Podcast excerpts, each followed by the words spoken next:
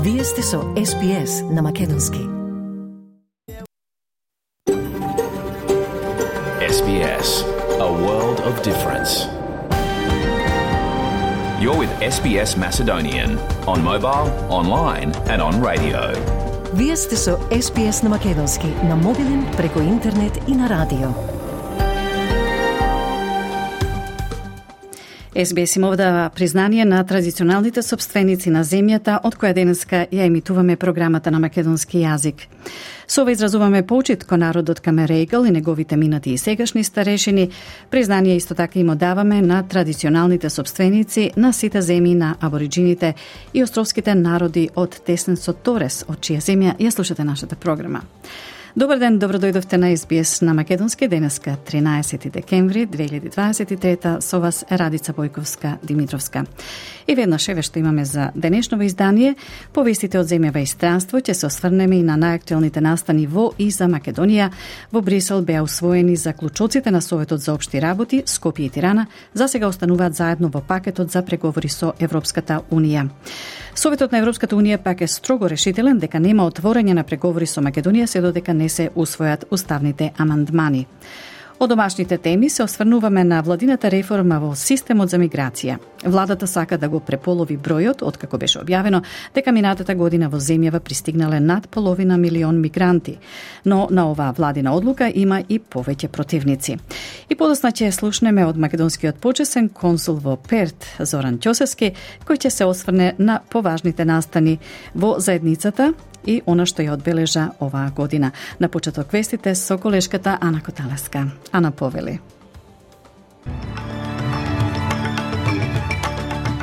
Благодарам Радица, добар ден и од мене. Од денешниот билтен вести издвојуваме. Австралија гласа во Обединетите нации за итен хуманитарен прекин на огнот во Газа. Жителите во Северен Квинсленд се подготвуваат за циклонот Джаспер, кој треба да пристигне до копното во наредните часови. Власта и опозицијата во Македонија со различни толкувања за тоа кој е надлежен да предлага премиер на техничката влада. И во фудбалот Ленсија елиминираше Севилја од Европа. На СПС на Македонски следуваат вестите за 13 декември 2023 година. Јас сум Ана Коталеска.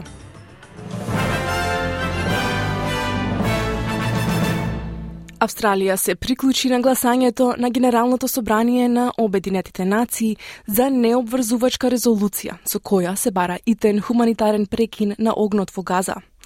193 членото Генерално собрание на Обединетите нации со големо мнозинство гласаше за резолуцијата. 153 членови гласа за, 10 против и 23 воздржани.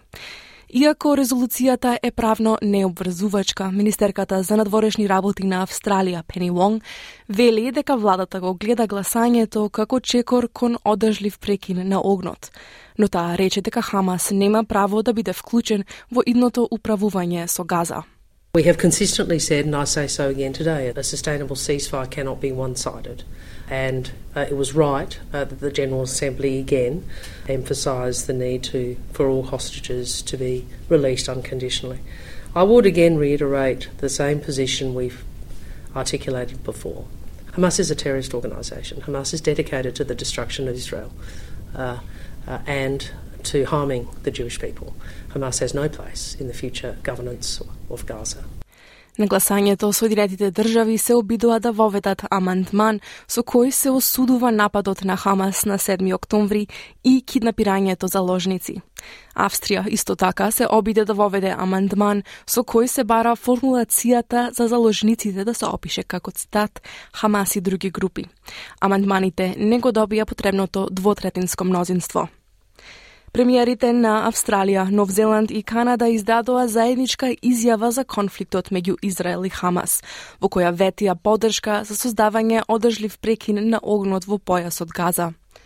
Во сообштението објавено денеска, Антони Албанезе, Крис Лакстен и Джастин Трудел велат дека каков било прекин на огнот не може да биде едностран и дека Хамас мора да го предаде своето оружје.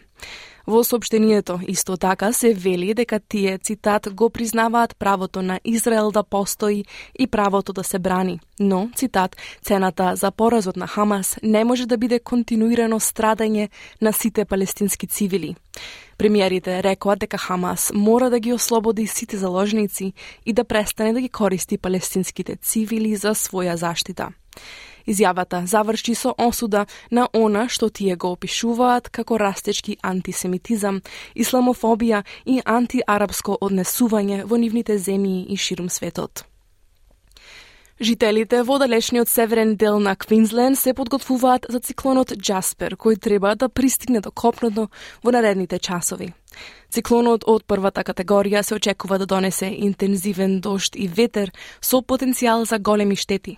Се предвидува дека циклонот ќе го премине брегот во близина на Порт Даглас, северно од Кернс, подоцна попладнево. Жителите ги помина изминатите денови, подготвувајќи се за пристигнувањето на циклонот. Градоначалникот на Куктаун Питер Скот за Nine Network ги предупреди жителите да останат дома. As soon as that wind reaches 100 k per hour, we close access and egress to the cyclone shelter. Um, we don't let people in or out because it's too dangerous. The same goes for anybody. Don't go outside. Австралиската влада предвиде помал од очекуваниот буџетски дефицит во својата економска прогноза за средината на годината, благодарение на зголемувањето на приходите од цените на суровините и силниот пазар на труд. Буџетот сега се очекува да достигне 1,1 милиарди долари, помалку од 13,9 милиарди долари предвидени во мај но заштедите доаѓаат на сметка на понатамошно олеснување на трошоците за живот, на кои многумина се надева, без дополнителни мерки објавени во ова ажурирање. Благаникот Джим Чалмерс вели дека одлуката на владата да вложи 92% од заштедите ќе помогне да се плати долгот и да се намали притисокот од инфлацијата, која, како што рече, се уште расте пребрзо. Uh, this budget update and this government is all about responsible economic management. Responsible economic management, it's what puts downward pressure on inflation and eases the cost of living.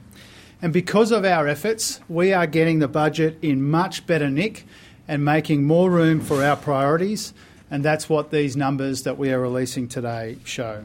Украинскиот председател Володомир Зеленски се состана со председателот на Соединетите Американски држави Џо Бајден во Белата куќа, каде што апелираше до американските сенатори за дополнителна помош во војната со Русија. Председателот Бајден побара дополнителен пакет помош вреден 167 милиарди долари за Украина, Израел и други потреби поврзани со националната безбедност. Но републиканците кои го доминираат представничкиот дом се уште се против финансирањето. Бајден вели дека се надева легислативата за финансирање да биде усвоена до Божик. Mr. President, I called on Congress to do the right thing, to stand with Ukraine and to stand up for freedom. And I want to thank you for being here. You're going to help the cause, and I don't want you giving up hope. Но председателот на представничкиот дом Майк Джонсен вели дека администрацијата на Бајден бара дополнителни милиарди долари без соодветен надзор, стратегија за победа или објаснување. We need a clear articulation of the strategy to allow Ukraine to win. And thus far, their responses have been insufficient. They have not provided us the clarity and the detail that we requested over and over since literally 24 hours after I was handed the gavel as Speaker of the House. And so, what the Biden administration seems to be asking for is billions of additional dollars with no appropriate oversight, no clear strategy to win, and, and none of the answers that I think the American people are owed. Во Македонија власта и опозицијата со различни толкувања околу техничката влада и изборот на технички премиер. Тоа доаѓа откако премиерот Димитар Ковачевски повторно посочи дека владината коалиција не го крши законот за влада доколку го постави Талат Джафери за премиер. Но пратеникот на ВМРО ДПМН Игор Јанушев, повикувајќи се на предходното законско решение, преку Facebook статус тврдеше дека техничкиот премиер треба да биде од редовите на партијата, која има најмногу пратеници во законодавниот дом. Сепак, премиерот Димитар Ковачевски пред новинарите со контраодговор. Не се крши законот затоа што и денес а, и предходната влада е коалициска влада И ако го погледнете мандатот кој што го доделува председателот на државата, тој го доделува на коалиција, која што има 61 најмалку пратеник во собранието. Во меѓувреме се очекува во текот на следната недела ВМРО да ДПМН да одлучи дали ќе учествува во техничката влада. Откако вчера во гостување на телевизија 24, генералниот секретар на партијата Ѓоргија Сајковски посочи дека тој смета дека најголемата опозицијска партија треба да биде дел од таа влада со цел да се спречат изборни нерегуларности. Повторно во Австралија, Ангела Андреа Кели е назначена за прв привремен комесар за грижа за стари лица во Австралија, по препораките дадени од Кралската комисија за квалитетот и безбедноста во секторот за нега на стари лица. Кралската комисија препорача да се назначи комесар за грижа за првите народи, за да се обезбеди културно безбедна, приспособена и флексибилна грижа за постарите од ова заедница.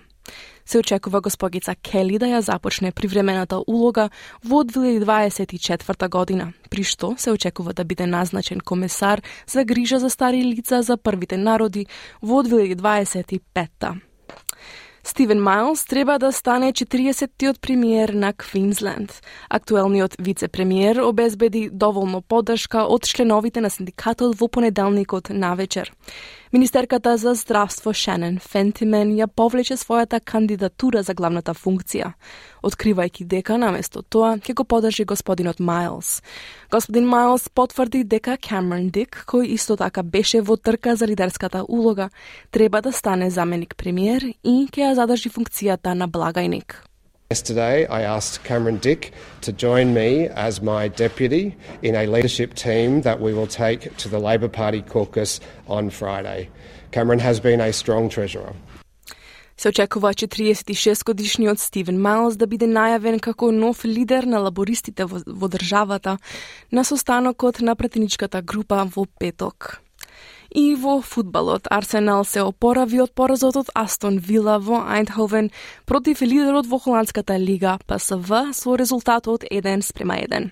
Арсенал водеше со голот на Еди Кетија, кој го забележа својот прв старт во лигата на шампионите со гол. Но Јорбе Вертесен израмни во 50-та минута. Арсенал го освои првото место на табелата во Б групата. ПСВ се втори, а во Лига Европа ќе продолжи Ланс. Ленс во директна пресметка на домашен терен со 2 спрема 1 ја совлада Севилја. Тоа значи дека рекордните шампиони ќе го пробуштат второто европско надпреварување.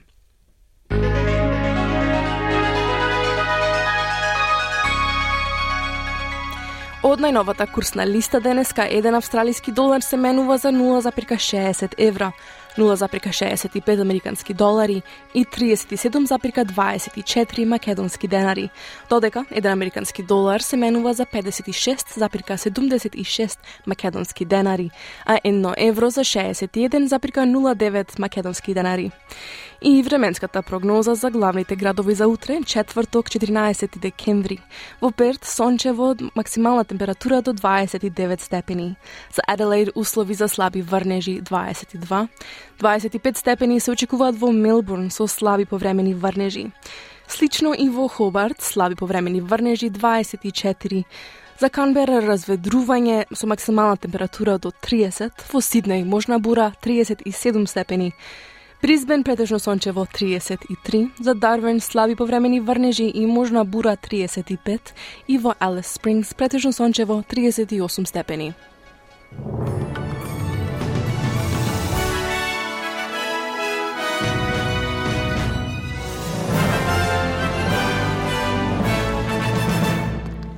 Тоа беа вестите на СБС на Македонски за 13 декември. Благодарам, Ана.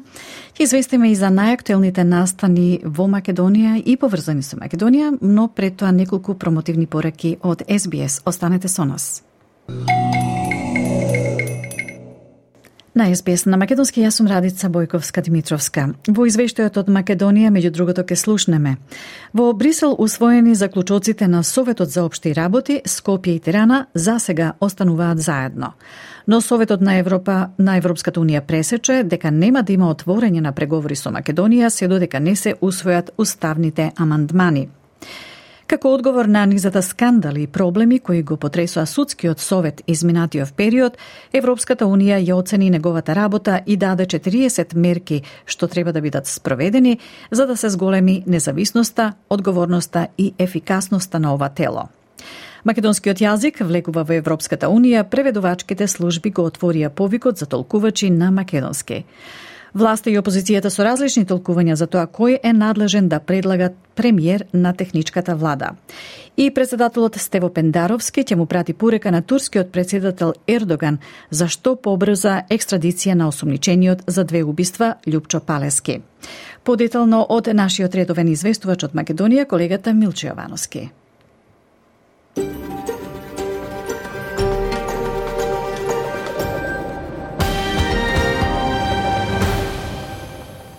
Во Брисел се усвоени заклучоците на Советот за обшти работи. Скопје и Тирана засега останува заедно, без многу детали по завршувањето на состанокот на шефовите на дипломатии на ЕУ во Брисел, еврокомесарот за проширување Оливер Вархеи и шпанското председателство порачаа дека проширувањето е од големо значење, а стратешките одлуки остануваат на лидерите за време на Европскиот совет. Uh... Утре има самит на Западен Балкан. Заклучоците на Советот за обшти работи создада основа за разговорите. Се надевам дека утре на самитот за Западен Балкан ќе биде потврдена и важноста на планот за раст, рече Вархеи. Наваро Риос, шпанскиот државен секретар за ЕУ, рече. Проширувањето е големо значење во светло на самитот за Западен Балкан утре, но и важните одлуки кои треба да ги донесеме за време на Европскиот совет. После долги разговори, кои беа на оваа тема на поголем дел од Советот, успеавме да усвоиме заклучоци за проширувањето и ова е силна поддршка за процесот на проширувањето, кој е многу важен за иднината на Европа, рече Риос, шпанскиот државен секретар за ЕУ. Во заклучотите за Македонија стои дека земјата ќе продолжи контората фаза од преговорите со ЕУ, откако ќе ги спроведе уставните измени. Земите членки ги охрабрија сите партии во парламентот да се фокусираат на унапредувањето на ЕУ реформите. Се потенцира владење на правото, но и се критикува кривичниот законник а за Албанија се подотпора вратата, но нема конкретен датум за втората меѓувладина конференција. Во заклучотите стои само дека треба да се отпори првиот кластер, што е можно побрзо. Денеска среда во Брисел ќе има самит на Западен Балкан, на кој се очекува декларација, но и заедничка изјава на сите шест земји од регионот. Од гласите од Брисел, во интервју за Сител, синоќе ги коментираше вице-премиерот за евроинтеграција Бујан Маричич. Направевме овие уставни измени од страна на, на сите пратеници или 80 пратеници. Mm -hmm. До сега веќе сега на овој самит ќе разговаравме за отварање на првиот на првиот кластер и ќе разговаравме за динамиката на разговори во првиот кластер. Наместо тоа ние ќе застанеме и ќе чекаме да се направат уставните измени работејки на тоа да се случи што побрзо за да не се за да не застане целиот регион. Тројцата суди испратени од ЕУ, кои го чешла работењето на судскиот совет во Македонија, усогласиле 40 препораки кои треба да се пробедат за ова тело да работи професионално и стручно. Од купниот број препорачани мерки, 17 може да исполни самиот судски совет, додека за останатите ќе бидат потребни законски и уставни измени. Работењето на судскиот совет се најде во центарот на вниманието на јавноста по серијата скандали во последните години. Амбасадорот на ЕУ во Македонија, Девид Гир, на брифинг со новинарите, сумираше дека препораките опфаќаат реформи во структурата и компетентноста на судскиот совет, мандатот на членовите, процесот на селекција и именување на членовите, дисциплинските постапки, комуникацијата со јавноста и финансирањето. Тој вели дека со оглед на сето она што се случуваше во судскиот совет последните месеци, воопшто не бил изненаден од содржината на извештајот и дека целосно се идентификува со него. Македонскиот јазик во ЕУ, преведувачките служби на ЕУ го отворија повикот и организираат тестирања за акредитација на конференцијски толкувачи со македонски јазик, МК како А јазик. Крајен рок за поднесување онлайн апликации е 19 јануари ината година, објави министерот Бојан Маричич на својот Facebook профил. Тој ги повика сите заинтересирани македонски толкувачи да се пријават и со тоа да придонесат кон професионално толкување и промоција на македонскиот јазик низ институциите на Европската Унија. Власта и опозицијата со различни толкувања околу техничката влада и изборот на технички премиер, откако премиерот Димитар Ковачевски повторно посочи дека владината коалиција не го крши законот за влада, доколку го постави Талат Джафери за премиер, а пак пратеникот на ВМРО ДПМН Игор Јанушев, повикувајќи се на предходното законско решение преку Facebook статус, тврдеше дека техничкиот премиер треба да биде од редовите на партијата која има најмногу пратеници во законодавниот дом. Сепак премиерот Димитар Ковачевски пред новинарите со контраодговор.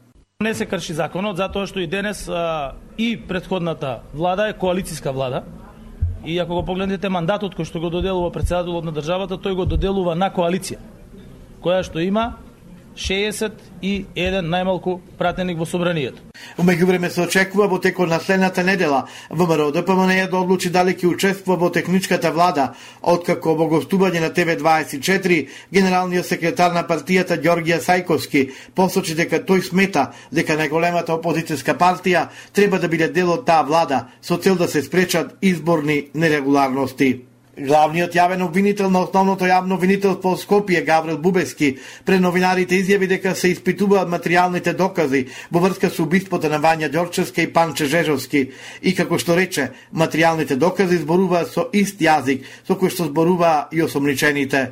Во однос на фактите кои што произлегуваат од сит од цело, целокупниот доказен материјал, конечно ќе се произнесеме нормално со обвинение.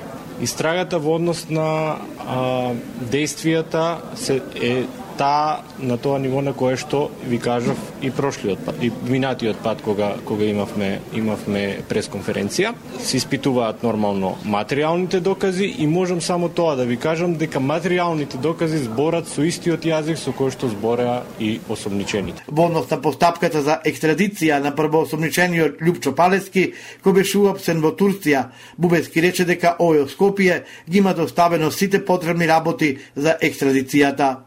Во меѓувреме, МВР ќе ги зголеми капацитетите за видео надзор на патиштата и во градовите, системот Safe City, во моментов го има во Скопје, Тетово и Куманово, но планот е во него да бидат интегрирани и други поголеми градови. Ова доаѓа од како видео надзорот во Скопје одига клучна улога во прибирањето на доказите за случајот со двојното убиство.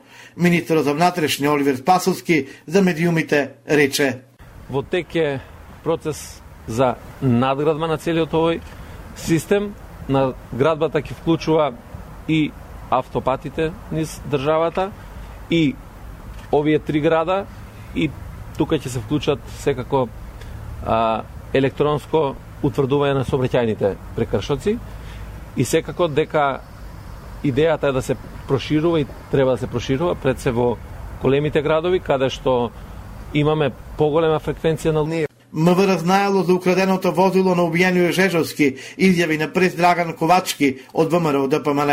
Министерството за внатрешни работи знаело на 24 ноември дека возилото на сега убиениот, а тогаш исчезнат Панче, е исчезнато уште од 22 ноември, односно 5 дена пред убиството на Вања.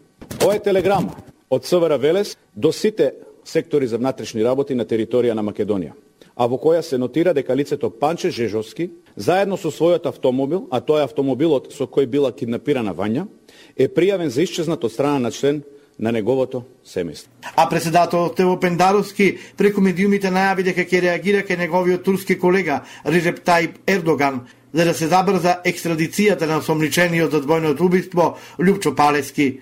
Тој доби 40-дневен екстрадицијски притвор во Турција. Според Пендаровски, не би требало да има одолгоблекување од турска страна, поврзано со барањето на Анкара за испорака на така наречените джуленисти од 2019-тата, Цитирам, Размислувам овие денови да пратам порака до мојот колега Ердоган во таа насока, дека очекуваме екстрадицијата на прво осомничениот да се случи порано. Мислам дека е прекрупен случајот да оставиме туку така да се одбива по некои бирократски коридори и тоа не дај Боже да трае со месеци или со години, вели Пендаровски. Од Македонија извести нашиот редовен соработник, колегата Милчо Јовановски. Ово извештај, како и вестите и програмове, ќе бидат достапни во текот на денов и на нашата интернет страница sbs.com.au коса цртичка Macedonian и нашата фейсбук страница SBS Macedonian.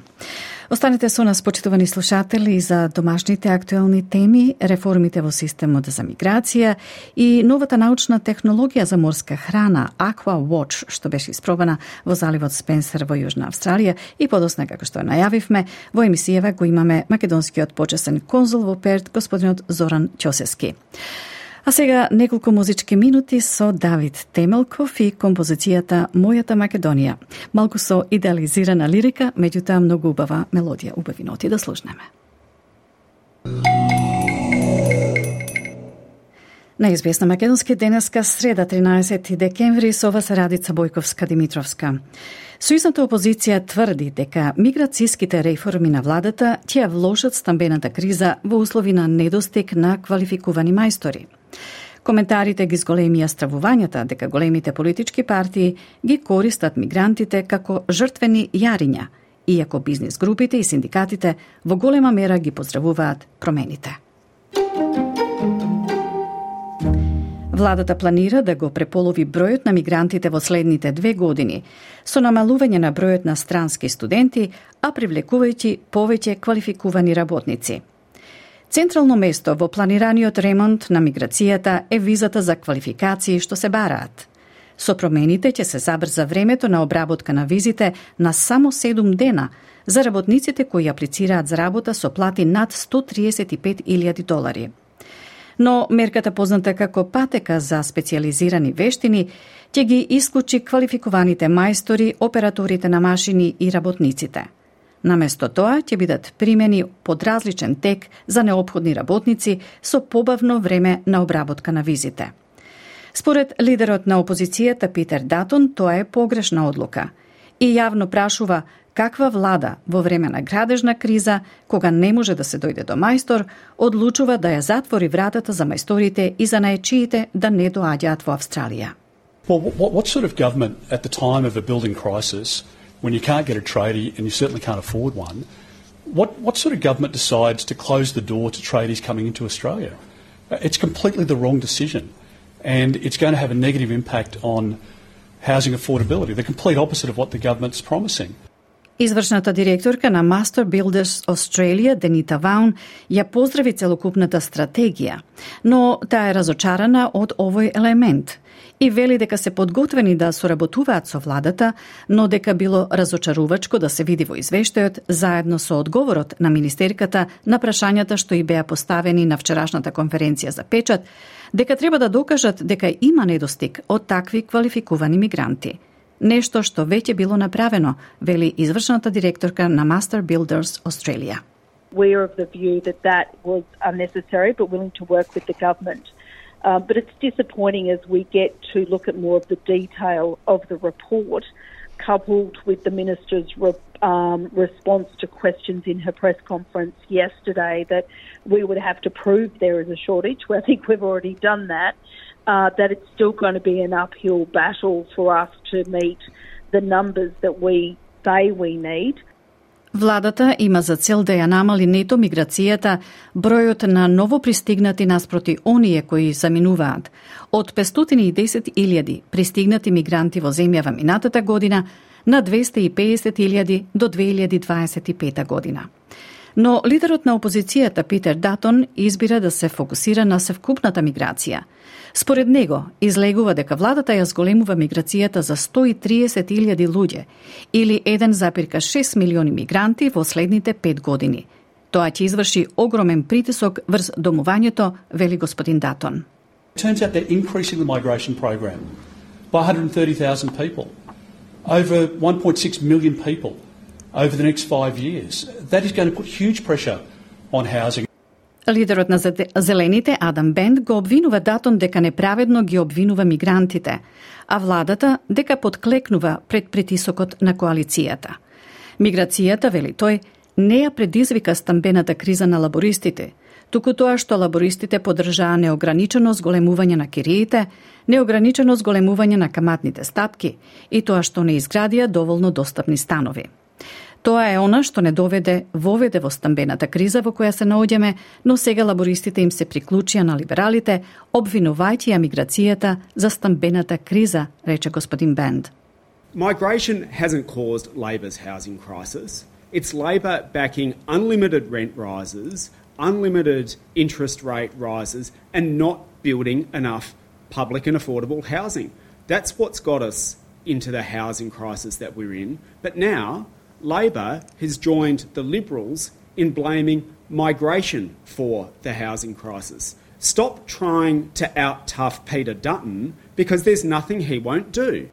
Тоа е нешто што го повтори и Карло Карли од Советот на Федерацијата на етнички заедници на Австралија.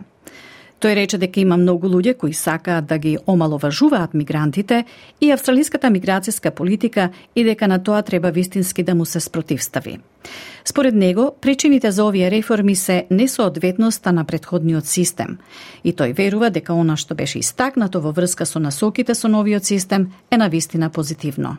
There's a lot of people in this country that want to scapegoat immigrants and scapegoat our migration policy, and that really has to be resisted. The reason for these reforms is because the previous system was broken, the previous system needed to be to be tightened up, um, and I and I, and we believe that the paths that have been um, highlighted in, in, today's announcement are, are really positive. Според поранешниот секретар на Оделот за имиграција Абул Ризви, коалицијата е таа која што придонела за бумот на миграцијата со тоа што во 2022 година вовела низа мерки за забрзување на миграцијата и како резултат на тоа, бројот на мигрантите брзо се зголемил, особено со студентите и туристите со работна виза. In many ways, the boom in net migration was partly the fault of the coalition. The coalition government in uh, early 2022 introduced a whole range of measures to put the, uh, put the foot to the floor on immigration, and as a result, immigration numbers, particularly students and working holiday makers, boomed very quickly. Готвачот Масимо Калоси од Италија дошол во Австралија со работна виза за одмор во 2016 година.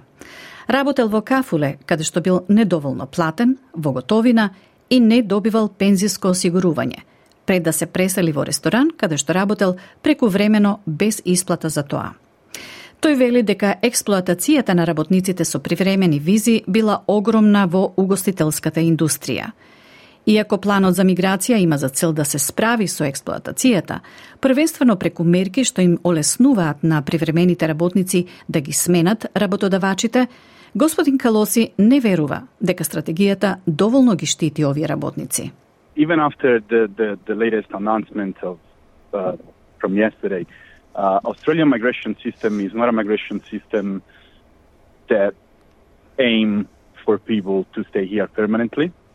So it's the structure that creates this permanent limbo of temporary visas, and unfortunately, uh, workers on temporary visas are the most vulnerable ones because um, more often than not, in fact, pretty much always they they're afraid to speak up.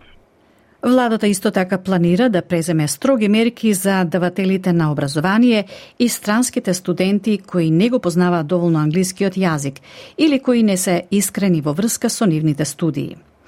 Не е исклучено ограничување на местата за меѓународни студенти доколку нето миграцијата продолжи да расте. Но поранешниот секретар на Оделот за имиграција Абул Ризви вели дека поставувањето ограничување за студентите би било хаотично и тешко за спроведување. Тој вели дека има преголем фокус на придобивките од извозот на странски студенти и не доволно на придобивките од странските студенти кои стануваат австралиски државјани и работат во Австралија до крајот на својот живот, плаќајќи даноци и придонесувајќи кон австралиската економија. I think we focus too much on the export benefits to over, of overseas students and not enough on the benefits of overseas students who go on to become Australian citizens and work in Australia for the rest of their lives, paying taxes and contributing to the Australian economy. The latter is far, far more important than the export revenue that the universities earn. And I think uh, it's time for the Australian government to turn around and make that clear to the Australian people. Прилогот на SBS News го подготви Едвина Гајнан. А сега на уште една домашна актуелна тема. Од Организацијата за научни и индустријски истражувања на Комонвелтот го заврши првичното тестирање на првобитната метеоролошка служба која се очекува да ја подржи индустријата за аквакултура во Австралија. Научниците ја испробаа новата технологија AquaWatch во Центарот за морска храна во Јужна Австралија во заливот Спенсер. Да слушаме повеќе во наредниот прилог на Сем Довер, што на македонски го подготви колешката Ана Коталеска.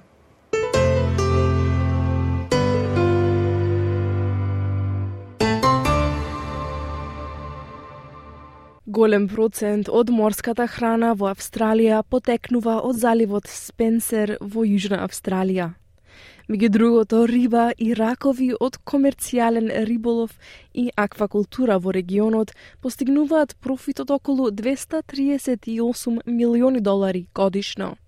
Заливот сега е локацијата на нова технологија за метеоролошки услуги, лансирана од Организацијата за научни и индустријски истражувања на Комонвелтот, наречена AquaWatch, која ќе им помогне на локалните научници за аквакултура да го следат квалитетот на океанската вода. Доктор Нагур Черукуру од CSIRO е водечки научник на пилот проектот. Тој вели дека Aquawatch ќе ја поддржи индустријата во овој регион кој се соочува со долгорочни проблеми со квалитетот на водата. The aquaculture industry in Spencer Gulf is a very important source of socio-economic conditions in this region. And so Aquawatch mission chose this pilot mainly to um, support this industry by providing water quality information that which will help their business we specifically chose Spencer Gulf because of the existing long-term problems here in water quality and its connection to aquaculture. Целта на Aqua Watch Australia е да обезбеди сигурни, точни и тековни информации за квалитетот на водата, а исто така развива функција за прогнозирање, што ќе им овозможи на рибните фармери однапред да ги заштитат своите залихи. Доктор Чиро објаснува дека информациите ќе се собираат со помош на сензори во водата, како и сателитски податоци. And the way we plan to acquire that information is through an integrated approach. By that, what we are trying to do is that to have a, a network of sensors in the water, and they collect a variety of water quality parameters, whether it be uh, phytoplankton growth or dissolved oxygen or temperature. And we are also using um, satellite data to give a large spatial description of how water quality is changing.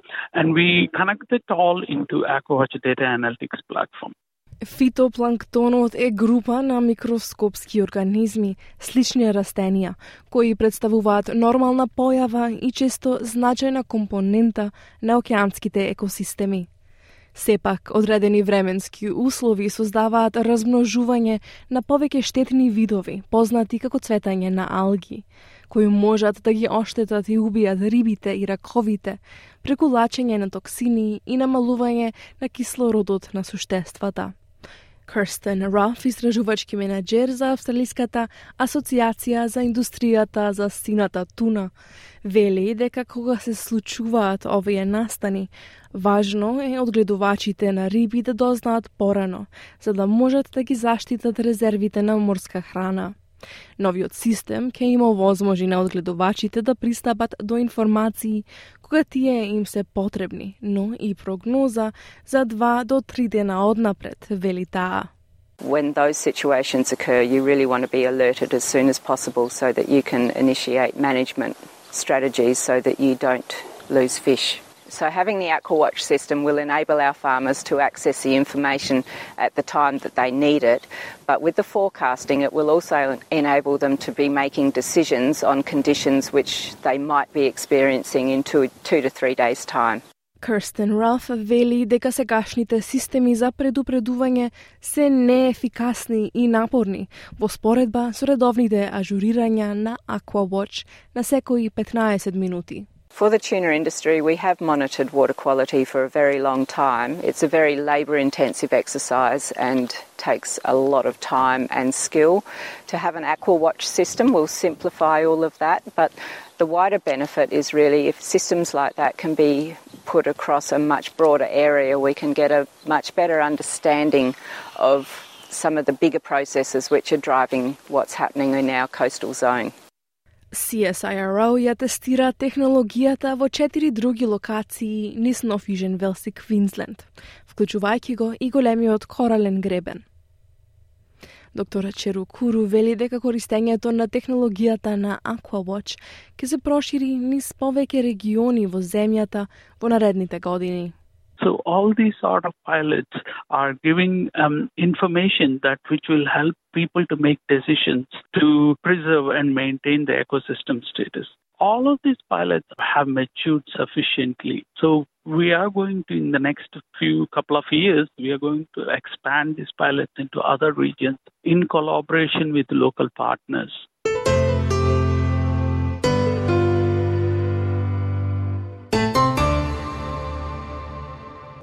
Ја следите програмата на СБС на Македонски со вас денеска е Радица Бојковска Димитровска. Што ја одбележа годинава што изминува во македонската заедница во Западна Австралија? Ќе слушнеме од македонскиот почесен конзул во Перт, Зоран Ќосески, кој ќе ни каже исто така и која е најстарата македонка во државата, која што за својот стоти роден ден прими бројни честитки и од високи државници, вклучително и од премиерот Антони Албанезе. Колешката Ана Коталевска го праша господин Ќосески и дали Западна Австралија сосема се опорави од пандемијата во однос на социјалните активности и настани во заедницата.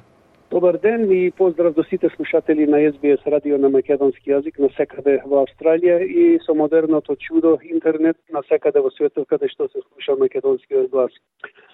Да, прашањето ви е на место. Западна Австралија како според нас најуспешна држава во Австралиската федерација, односно Комонвелт на Австралија, најуспешно излезе од пандемијата наречена COVID овде во Западна Австралија.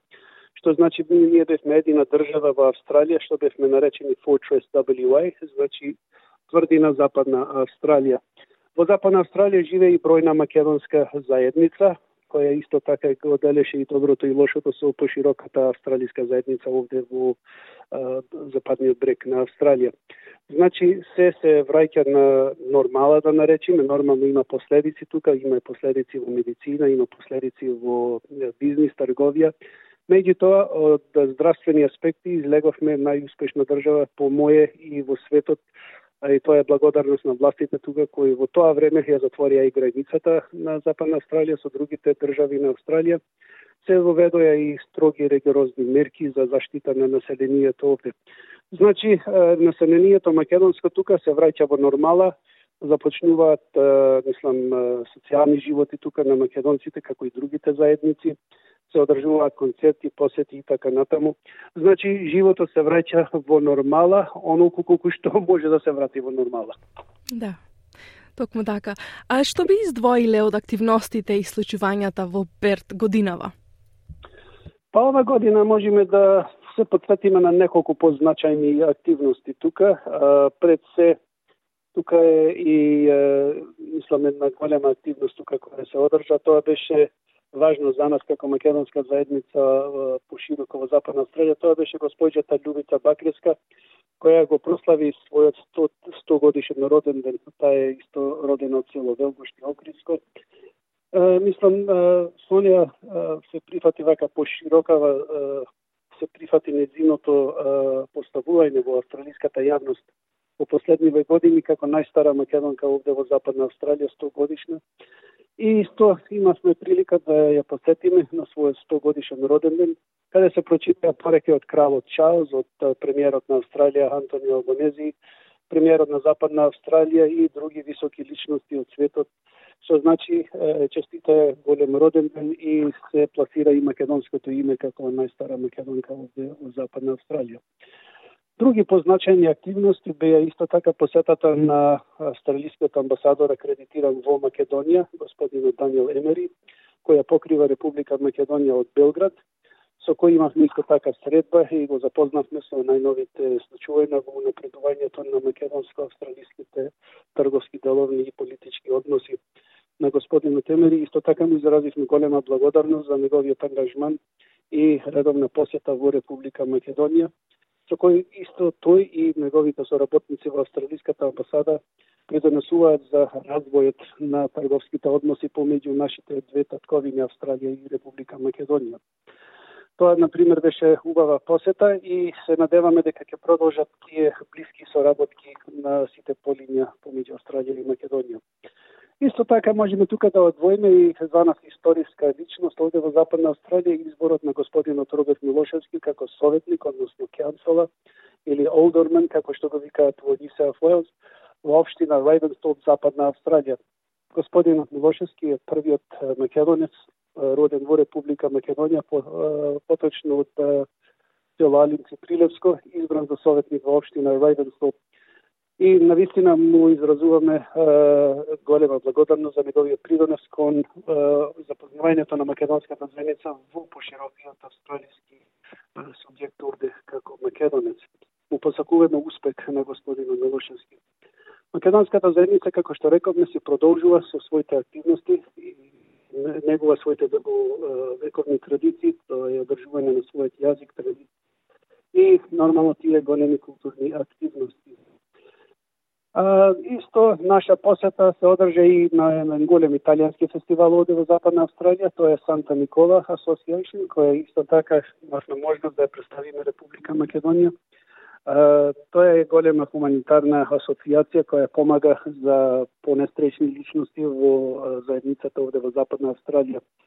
Тоа се одржа во Стерлинг и на вистина на нашите пријатели од италијанската заедница им изразуваме голема благодарност и придонесавме и тука за запознавање на нашата македонска култура.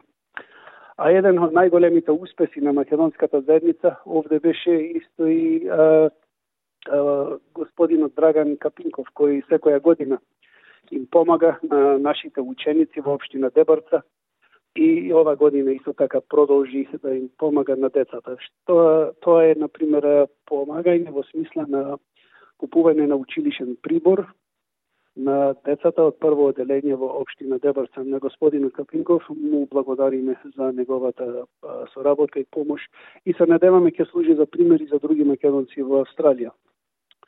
На музичко поле тука не можеме да одбегнеме од посетата на господинот Симон Трчевски, кој е, на вистина крие на цела Западна Австралија на ноде и тоа на високо ниво Господинот Трчевски, како најуспешен македонски музичар, пианист, беше гостин на WI Symphony Orchestra овде во Западна Австралија. Значи, во два концерти што се одржаа во Западна Австралија, имаше 3200 посетители, од кои, да речиме, најголем број беа не македонци.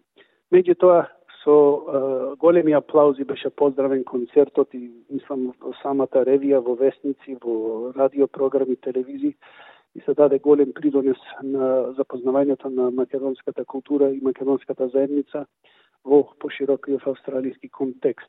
Значи, накратко тие беа позначајните настани овде во Западна Австралија и се надеваме македонската заедница, како и другите етнички заедници во Австралија, ќе продолжи со одржување на својот јазик и култура во рамките на мултикултурна Австралија. И повторно користам прилика да им честитам се на љубов на нашите слушатели на СБС на секаде во светот.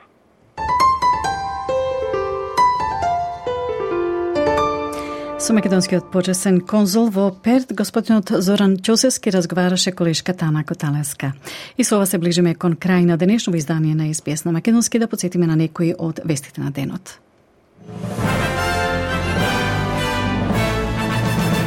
Австралија гласа во Обединетите нации за итен хуманитарен прекин на огнот во Газа. Жителите во Северен Квинсленд се подготвуваат за циклонот Джаспер, што треба да пристигне до копно во наредните часови. Власта и опозицијата во Македонија со различни толкувања за тоа кој е надлежен да предлага премиер на техничка влада.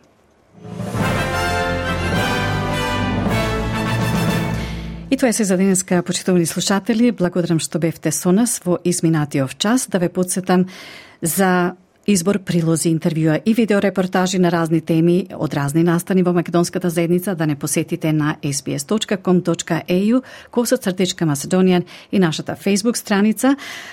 И ако може да ви од мноштвото прилози и разговори би ви препорачала интервјуа со професорот доктор Ѓоко Муратовски и доктор Роберт Михајловски.